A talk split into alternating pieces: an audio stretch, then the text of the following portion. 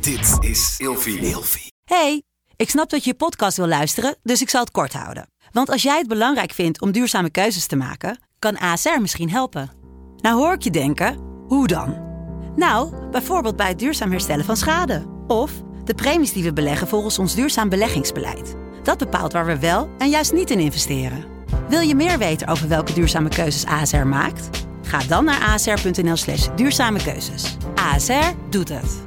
Zo, dan kan je nu lekker naar je podcast luisteren. Een van mijn eerste instincten was om mijn ex op te bellen.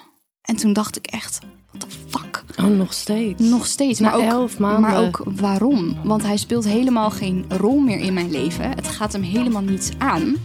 Hey, gezellig dat je luistert naar Kleine Meisjes Worden Groot. In deze podcast gaan wij samen in gesprek over alles wat ons niet verteld werd over de weg die jij bewandelt naar het worden van een volwassen vrouw.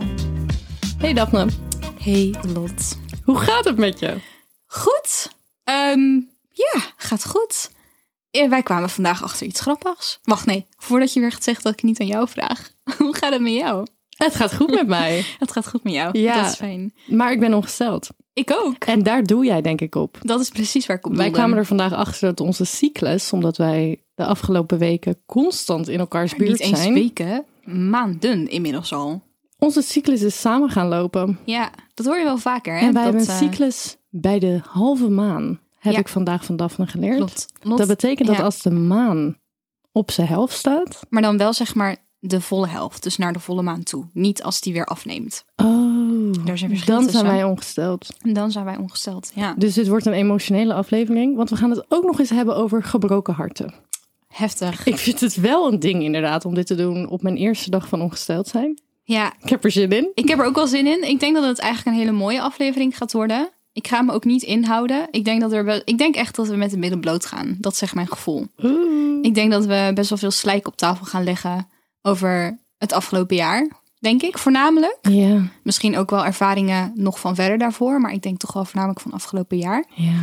En ik ben heel benieuwd wat er allemaal te sprake gaat komen. En we hebben wijn. En we hebben wijn. Dus ik bedoel, dat moet goed komen, toch? Het is misschien wel grappig om, even- tenminste grappig, wel goed om even te vertellen dat het echt al wel wat later s'avonds is. Maar we zitten dus niet om 11 uur 's ochtends wijn te drinken. Voor de, als je dit 's ochtends luistert. Trouwens, al hadden we dat wel gedaan. We zijn Echt, ongesteld. Het kan I'm a gewoon. grown-ass woman. Precies. Mag ik even? Daphne, ik heb een stelling voor jou om te beginnen met deze aflevering. Yes. En die ga ik nu aan je voorlezen. Oké, ben benieuwd. Veel mensen ervaren een gebroken hart omdat ze terugkijken op het potentie wat hun ex had. Het idee en concept van de relatie, maar niet wat de relatie en hun ex-partner in realiteit was. Ja, Ben je het hiermee eens? het zijn heel veel woorden. Ehm, ja, ik ben het er wel mee eens. Ik denk dat dat wel meespeelt. Als ik in ieder geval naar mijn eigen ervaring kijk. Mhm. En wil je daar wat over vertellen? Ja, daar wil ik wel wat over vertellen. Wil je dat ik gewoon even globaal uitleg wat mijn situatie is of was? Is dat Mhm. handig dat ik dat... eh, mijn laatste serieuze relatie ging over bijna een jaar geleden. Ik ben nu elf maanden alleen. dat klinkt zo gek. Ik ben niet echt alleen. Je hebt I've jezelf got you. I've got you. en je hebt jezelf. Precies. Zo voelt het ook niet echt. Maar het is meer gewoon elf maanden single nu. Mhm. Ik durf met zekerheid te zeggen dat dat de heftigste break-up is geweest die ik heb meegemaakt. Mhm. En ik ben nu op een hele goede plek, maar ik heb er nog steeds iedere dag last van. Mhm. En ik kan me heel erg vinden in je stelling, want zeker aan het einde van deze relatie, ehm, ik was heel erg toe aan de volgende stap. Ik ehm, wilde graag plannen maken voor de toekomst. Ik wilde het al voorzichtig gaan hebben over samenwonen, ook al zou dat dan bij wijze van spreken nog twee jaar duren. Mhm. Ik wilde daar gewoon over dromen en over speculeren en plannen maken. En weet je wel, gewoon het naar het volgende level tillen. En mijn partner toen de tijd wilde dat eigenlijk niet. Hij wilde hele andere dingen. De dingen die wij wilden, levelden gewoon niet met elkaar. Ja. We waren het er gewoon niet over eens.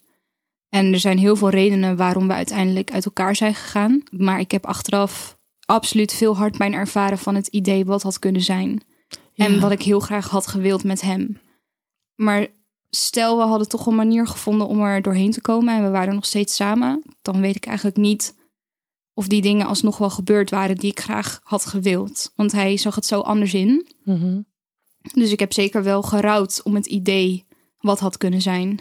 Ja, denk je dat ook het rouwen van het concept en het idee van de relatie en je ex eigenlijk meer van de pijn is van een gebroken hart. Want om eerlijk te zijn, het is uitgegaan om een reden. Mhm. Voor mij persoonlijk kwam de meeste pijn van het gevoel van verlies en verraad. Dat zijn hele heftige woorden. Ja. Verlies in de zin dat mijn ex-partner was mijn beste vriend. Mhm. En dat vind ik ontzettend moeilijk. Dat ik hem moet missen eigenlijk tot op de dag van vandaag. We hebben ook geen contact meer bewust. Mhm. Ehm, dat, dat vind ik echt heel lastig. Ja. En verraad in de zin van... er zijn dingen gebeurd die hij heeft gedaan... die hij me achteraf pas heeft verteld. Die niet netjes waren. Die niet binnen de afspraken van onze relatie eh, ja, pasten. En dat heeft me heel veel pijn gedaan. Maar als je dan terugkijkt op het feit dat jullie beste vrienden waren, Mhm. kan je dan zeggen dat je hem misschien op een bepaalde manier verheerlijkt? Zeker. Oh, ik plaatste hem ontzettend op een... eh, hoe zeg je? Op een pedestal. Ja. Maar kan je, kan je daar nu op reflecteren? Na een jaar, anderhalf jaar. Ja, sowieso. Ehm, goed, we gaan gelijk wel echt heel snel de diepte in, zeg. Jemig. Oeh, ehm, Je hoeft niet te reageren. Ik kan ook. ik, vind het eh, heel, ik vind het ontzettend een goede vraag hoor. Want ik denk er natuurlijk sowieso al veel over na. En ik schrijf er heel veel over. Wat helpt om mijn gedachten op een rijtje te zetten. En dingen helder voor mezelf te krijgen. Maar niemand heeft eigenlijk tot op de dag van vandaag zulke duidelijke vragen aan me gesteld. Oh. Kan je het nog een keer herhalen? Wat ik vroeg. Je laatste vraag. Ja. Ik vroeg of je, je noemt, en dat heb je al vaker gedaan in gesprekken met mij. Je noemt jouw ex. ehm, je zegt dat hij je beste vriend was en dat je dat heel erg aan hem mist. Maar is er niet een groot deel van dat gemis, de verheerlijking het, van het idee wat je Mhm. had als, ja. van hem als beste vriend? Mhm. Was hij echt zo? Of als je er nu op terugkijkt met een realistische blik, ja. was dat dan ook echt zo? Of heb je hem een, op een bepaalde Mhm. manier verheerlijkt? Het hele Ja. idee mooier gemaakt in je hoofd, omdat Ja. je zo verliefd was op hem? Ik had hem heel hoog zitten. En ik heb vaak gedacht, ehm, inderdaad, waar komt dat nou vandaan? En dan gaan we eigenlijk nog een stapje verder terug de tijd in. En dat is naar de relatie die ik daarvoor heb gehad. Daar kan ik eigenlijk niet zo heel veel over zeggen, want dat was een ontzettende, gezonde, fijne relatie. En de enige reden dat dat is overgegaan, was omdat ik niet meer verliefd was. En ik hem eigenlijk ontgroend, eh, ontgroend, ontgroeid was. Je had hem ook ontgroend misschien? Nee, hij mij. Nee, Oh, nee, hij trouwens nee ook niet. Maar anyways. Anyways. En dat is de enige reden geweest waarom het uit is gegaan. Simpelweg omdat ik niet meer verliefd was. Maar er was verder niks, verder was er niks aan de hand. Ik weet nog dat ik toen een paar, echt een paar maanden later al mijn, eh, de jongen leerde kennen waar ik daarna een relatie mee heb gekregen. Die dus, waar ik het nu over heb. Ik was zo onder de indruk van hem. Hij was alles wat ik eigenlijk zocht in een jongen. En dat is heel erg om te zeggen. Maar hij had dingen die mijn partner daarvoor niet hadden. En dat betekent niet dat mijn partner daarvoor minder goed was of minder lief. Juist totaal, helemaal, echt totaal niet. Het waren gewoon twee hele andere mannen. Maar je had hem meteen al hoog staan. Ik had hem meteen vanaf het eerste moment hoog staan, omdat hij ook, hij was creatief. Hij wist hoe hij moest praten over zijn emoties. En er waren zoveel dingen waarbij ik gewoon meteen vanaf het eerste moment zo van onder de indruk was. En waarvan ik zo, Maar is dat Ja. dan, als je daarop terugkijkt, is dan dat het kleine meisje met wie jouw ex in een relatie is gekomen? Of is dat de vrouw die jij ondertussen bent geworden? oh wauw. Als jij erop terugkijkt als de vrouw die je ondertussen bent geworden. Ja. Is het dan zo mooi geweest als je in je hoofd hebt? Als jij dat verdriet voelt van we hebben het niet meer. Om heel eerlijk te zijn, ik kan jou aankijken na elf maanden nadat dit gebeurd is, in je ogen aankijken en zeggen dat dit eigenlijk een hele ongezonde relatie was. Het was vrij toxic. En ik ben inmiddels ook op een punt waarop ik kan inzien. Kijk, ik ben nooit buiten de regels van onze, vriends, eh, van onze vriendschap, van onze relatie getreden. Maar wat ik wel heel duidelijk kan zien en kan toegeven, is dat ik ook niet goed voor hem ben geweest. In de zin dat hij had ook verlangens en behoeftes die ik niet waar kon maken. Niet omdat ik het niet wilde of hem het hem niet gunde. Het paste gewoon niet. Dit was, het was niet wie ik, wie Jullie ik waren ben. het gewoon niet voor elkaar. Nee, wij hadden echt op lange termijn gewoon andere, andere wensen. Ik hield heel veel van hem en uiteindelijk had ik zoiets van: ik wil wel dat, dat je gelukkig bent, ook als dat niet met mij is. Dus ik moet je gewoon laten gaan.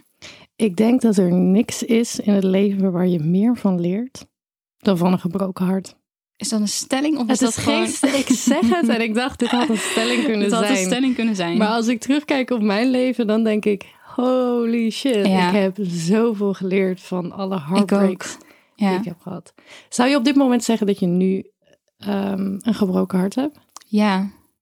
Nog steeds? Nog steeds, maar niet meer, zeg maar, ik ben niet meer verliefd op hem. Al heel lang niet meer. Dat merk, ik merkte heel snel, of tenminste snel niet, maar gewoon, ik merkte heel duidelijk wanneer, wanneer ik dat punt had bereikt. Dat ik hem had losgelaten, dat ik het idee had losgelaten, dat ik er vrede in had gevonden. Maar het is gewoon, het feit blijft wel dat het de heftigste relatiebreuk is geweest die ik ooit in mijn jonge leven heb meegemaakt. Eh, veel heftiger dan de eerste keer. Mhm. Heel anders ook, hele andere situatie. En tot op de dag van vandaag draag ik dat gewoon met me mee. Om een, om een voorbeeld te geven. Ehm, eh, we gaan, ik weet dat we hier in een andere aflevering dieper op ingaan. Maar jij was er toevallig bij. Ik heb een beetje rottig nieuws gehad afgelopen week. Mijn, een van mijn eerste instincten was om mijn ex op te bellen.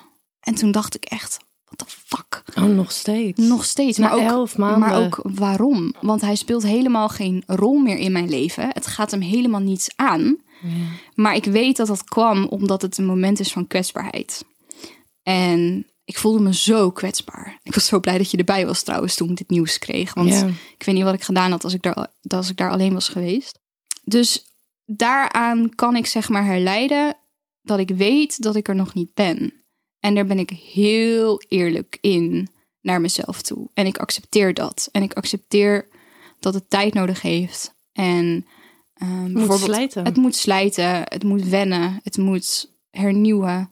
Eh, de man waarmee ik nu aan het daten ben, we doen het ook heel rustig aan. En ik heb al heel vroeg al aangegeven: dit is mijn situatie, dit is er gebeurd, dit is waardoor mijn hart is gebroken. Ik kan niet te hard van stapel lopen. Wees alsjeblieft voorzichtig met me. En als je dat niet bent, dan ben ik weg. Punt. Want ik moet mezelf in En bescherming anders, nemen. anders dan ga ik heel even langs. Dan kom jij En, langs en dan eh, stroop je je mouw niet op. En dan denk je, Ik was, Let's geen, go. ik was geen vrienden met beide van je exen. dat heb je al eerder verteld Dus in de met de volgende misschien ook niet. We gaan het zien. Ben benieuwd. Ik ga meteen, ik ga meteen met eh, gestre- gestrekte benen erin. Ja, Ja. maar goed, dat is nu een beetje mijn situatie. En eigenlijk, ja, ik heb ook allemaal dingen opgeschreven. Ik kan, ik kan niet makkelijk nog een uur zitten en dit helemaal vol lullen. Maar ik ben eigenlijk wel benieuwd hoe het met jou zit. Wat is jouw huidige situatie? Hoe voel je je? Ik denk Ja. dat ik op dit moment nog wel een gebroken hart heb. Ja, Ja. Ik woon samen met mijn ex. Vind ik heel knap trouwens. Ja, ik, hoor, ja, Ik heb het al vaker oh, gezegd. Ik hoor zoveel verhalen. Ik hoor zoveel opmerkingen. Oh, woon je met je ex? Wat erg, dit, dat. Maar het is niet op de manier erg zoals de meeste mensen denken dat het moeilijk is. Ik bedoel, mijn ex en ik hebben geen seks meer. Mijn ex en ik hebben geen ruzie. Ehm, het is meer een soort volwassen verdriet geworden. Ja, En ik denk dat mijn ex en ik, wij zijn echt beste vrienden. En ik denk dat hij me heeft geleerd dat een soulmate ook iemand, ook niet altijd romantisch hoeft te zijn. Ehm, dus hij is mijn beste vriend. En in a way is hij mijn soulmate. Dat maakt niet dat samenwonen niet moeilijk is. Want hij ehm, is aan het daten. Ik ben aan het daten. En ik gun hem alles. Echt, ik gun hem het allerbeste op de wereld. Maar ja, je hebt het wel constant in je gezicht. Het feit dat degene waar jij vier jaar lang mee hebt geleefd en toekomstplannen mee had, dat nu met iemand anders doet. ja, En bijvoorbeeld de dingen die hij dan niet meer met mij deed, die doet hij dan nu wel met haar. ja, Je bent je bent heel erg bezig met, oké, hoe ga ik hier volwassen mee om? Hoe ben ik, de, niet per se de, de bigger person, maar hoe ga ik hier, hoe zet ik mijn eigen trots aan de kant? ja. En hierover wou ik een stukje voorlezen wat ik heb geschreven laatst. Oké, Over ehm, mijn gebroken hart op dit moment. oké, En ik ben heel erg benieuwd wat je ervan vindt. Ja. En of je je erin herkent misschien. oké. Ja, nou, shoot. Het is een nostalgisch verdriet. Alsof ik terugkijk op mijn kindertijd. Een tijd waar ik met liefde op terugkijk, maar nooit meer vatbaar zal zijn. Zoals ik mijn lievelingsknuffel op tienjarige leeftijd moest weggeven aan een ander kind. Je bergt de knuffel liever op, ergens achter in een kast, omdat je niet wilt toegeven dat je het ontgroeid bent. En zo voelt mijn gebroken hart. Het is de realisatie dat het beter is als we uit elkaar gaan, maar ik wil het fijne, nostalgische gevoel nog niet loslaten. De totstandkoming dat mijn ex niet beter verdient, maar simpelweg anders dan mijn liefde. Als zij hem meer ontwikkeling biedt dan dat ik dat deed, als zij zijn liefdestaal spreekt, dan wil ik alleen maar dat hij krijgt wat hij nodig heeft. Dus moet ik mijn trots en verdriet soms even opzij zetten, zodat ik misschien een romantische liefde kwijtraak, maar mijn beste vriend niet. Wat mooi. Ja, vind je het leuk? Ja, ik vind het heel mooi. Ja, ik weet niet. Het voelt, het voelt, ik weet niet. Dit, ik heb, ik denk dat dit mijn eerste gebroken hart is als volwassen vrouw Mhm. in some way. Omdat hiervoor heb ik gewoon, ik heb hiervoor in een hele heftige relatie gezeten. Dat weet jij ook. Dat weten Ja. heel weinig mensen van mij. Maar daar was ik echt nog wel heel erg jong. Ja. En nu ben ik 24 en dit is de eerste keer dat ik omga met een bepaalde, een bepaald soort verdriet, maar dat wel op een volwassen manier wil aanpakken. Dus ik ben heel erg bezig met mijn eigen trots en verdriet aan de kant zetten, omdat ik zoveel van een persoon hou. Ja. Snap je wat ik bedoel? Mhm. Ik vind het wel waar ik ook een beetje aan moet denken. ehm, en waar wij toevallig eigenlijk heel erg in verschillen in deze situatie. Jij woont nog samen met je ex. En jij wordt eigenlijk geforceerd doordat je die keuze hebt gemaakt om nog bij elkaar te wonen. Ook al, je slaapt allebei in een andere kamer, toch? Ja, Mhm. precies. Eh, en je laat elkaar vrij om ook gewoon door te gaan met je leven. Het fijne daaraan is inderdaad dat je elkaar blijft zien. En dat je elkaar op dat vlak niet verliest. En dat contact blijft houden. Ehm, het nare daaraan is dat je constant geconfronteerd wordt met dat jullie allebei verder aan het gaan zijn. En het is heel gek, maar ik ben er jaloers op. Want ik heb het niet. Ja, Want wij hebben geen contact, mijn ex maar ik. verdiende jouw ex die liefde? Misschien niet. Maar ik vind het nog steeds lastig. Ik denk, ook- ik denk niet dat ik het had gekund zoals jij het nu doet. En daarom zeg ik ook heel vaak tegen je dat ik het zo knap vind.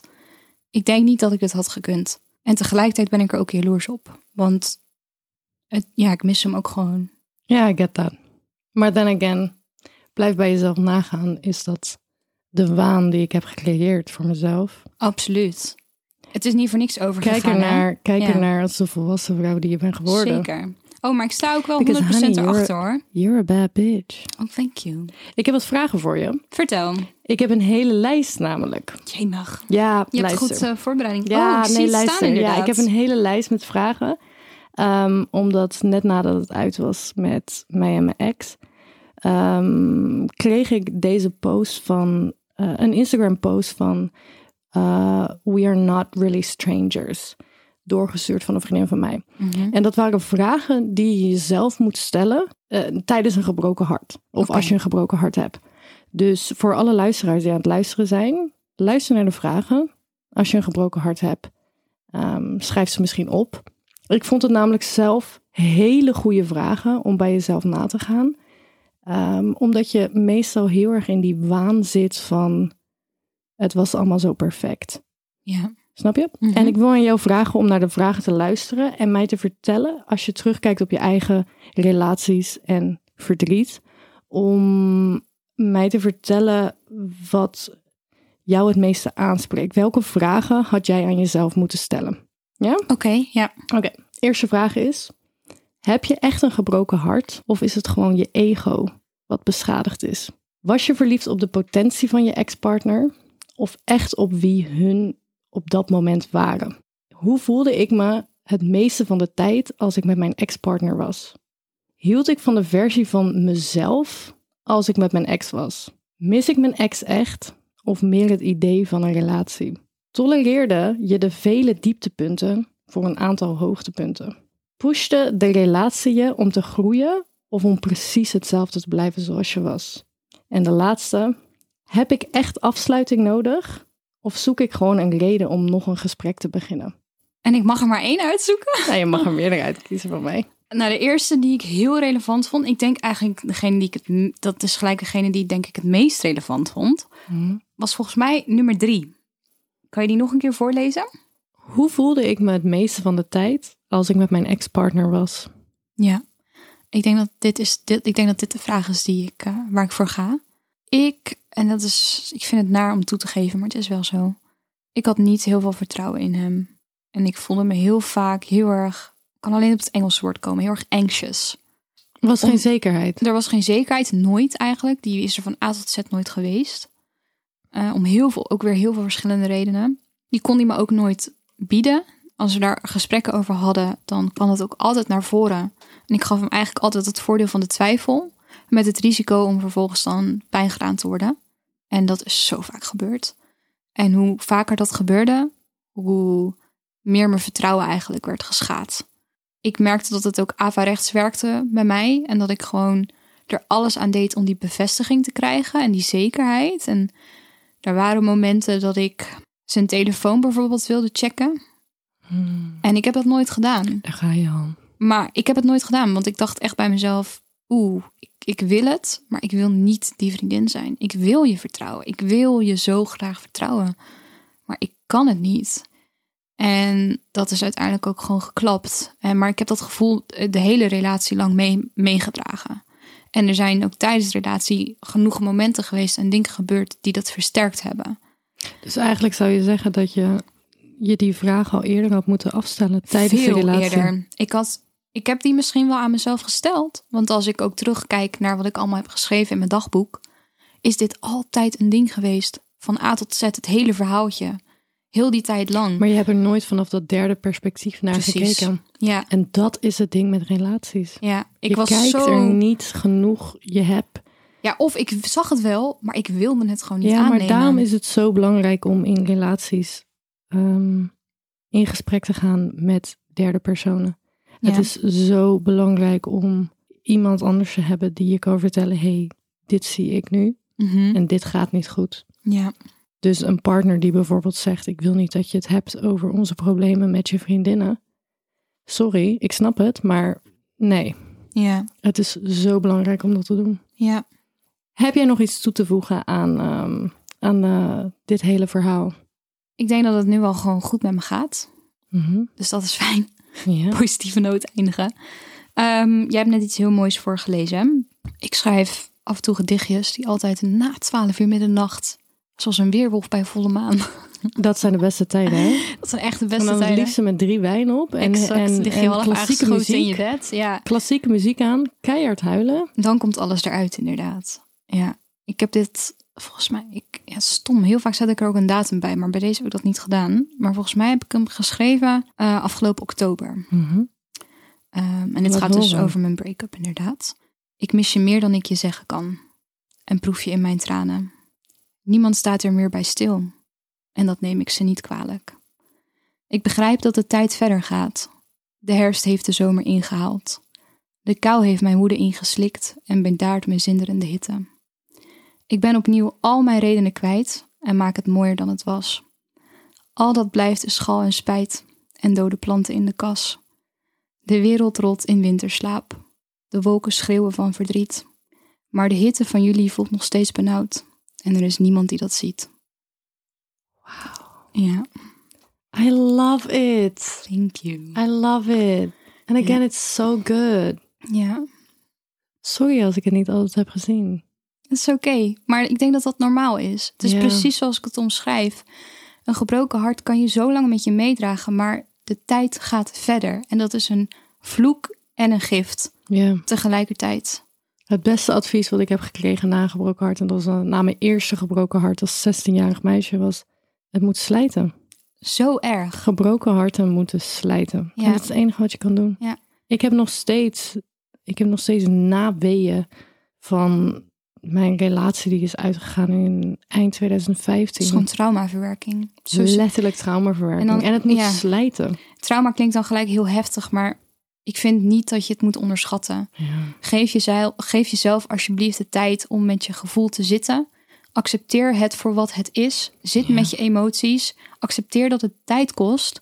En zelfs al denk je op een gegeven moment van... Goh, ben ik er nou nog niet overheen? Boeien. Je moet zoveel tijd nemen als dat je zelf wil. En je moet door. En je moet door. Maar over De, doorgaan de beste gesproken, manier om ergens overheen te komen, is er onderdoor te gaan. is ergens onderop te springen. ik wist dat je dat ging En ik zeggen. vind dat een top afsluiter voor deze podcast. Ja, Jongens, luister je nou via Apple Podcasts. Vergeet geen- niet wat sterretjes achter te laten. En misschien zelfs een review. En volg ons ook op Instagram. grotemeisjes.podcast. Als jij een verhaal kwijt wil of anything like that. Ehm, we vinden het heel erg leuk om van jullie te horen. Ja. En ehm, we zien jullie volgende week. Als je nog een idee hebt voor een Aflevering. onderwerp, Ja, Voor een aflevering. gerust in. let us know. Heel erg bedankt voor het luisteren. Deel jij op dit moment met een gebroken hart, dan sturen we je heel veel liefde en sterkte. Heel veel liefde. Maar je komt hier bovenop en dat is Heel een belofte die we maken. Tot volgende week. Bye!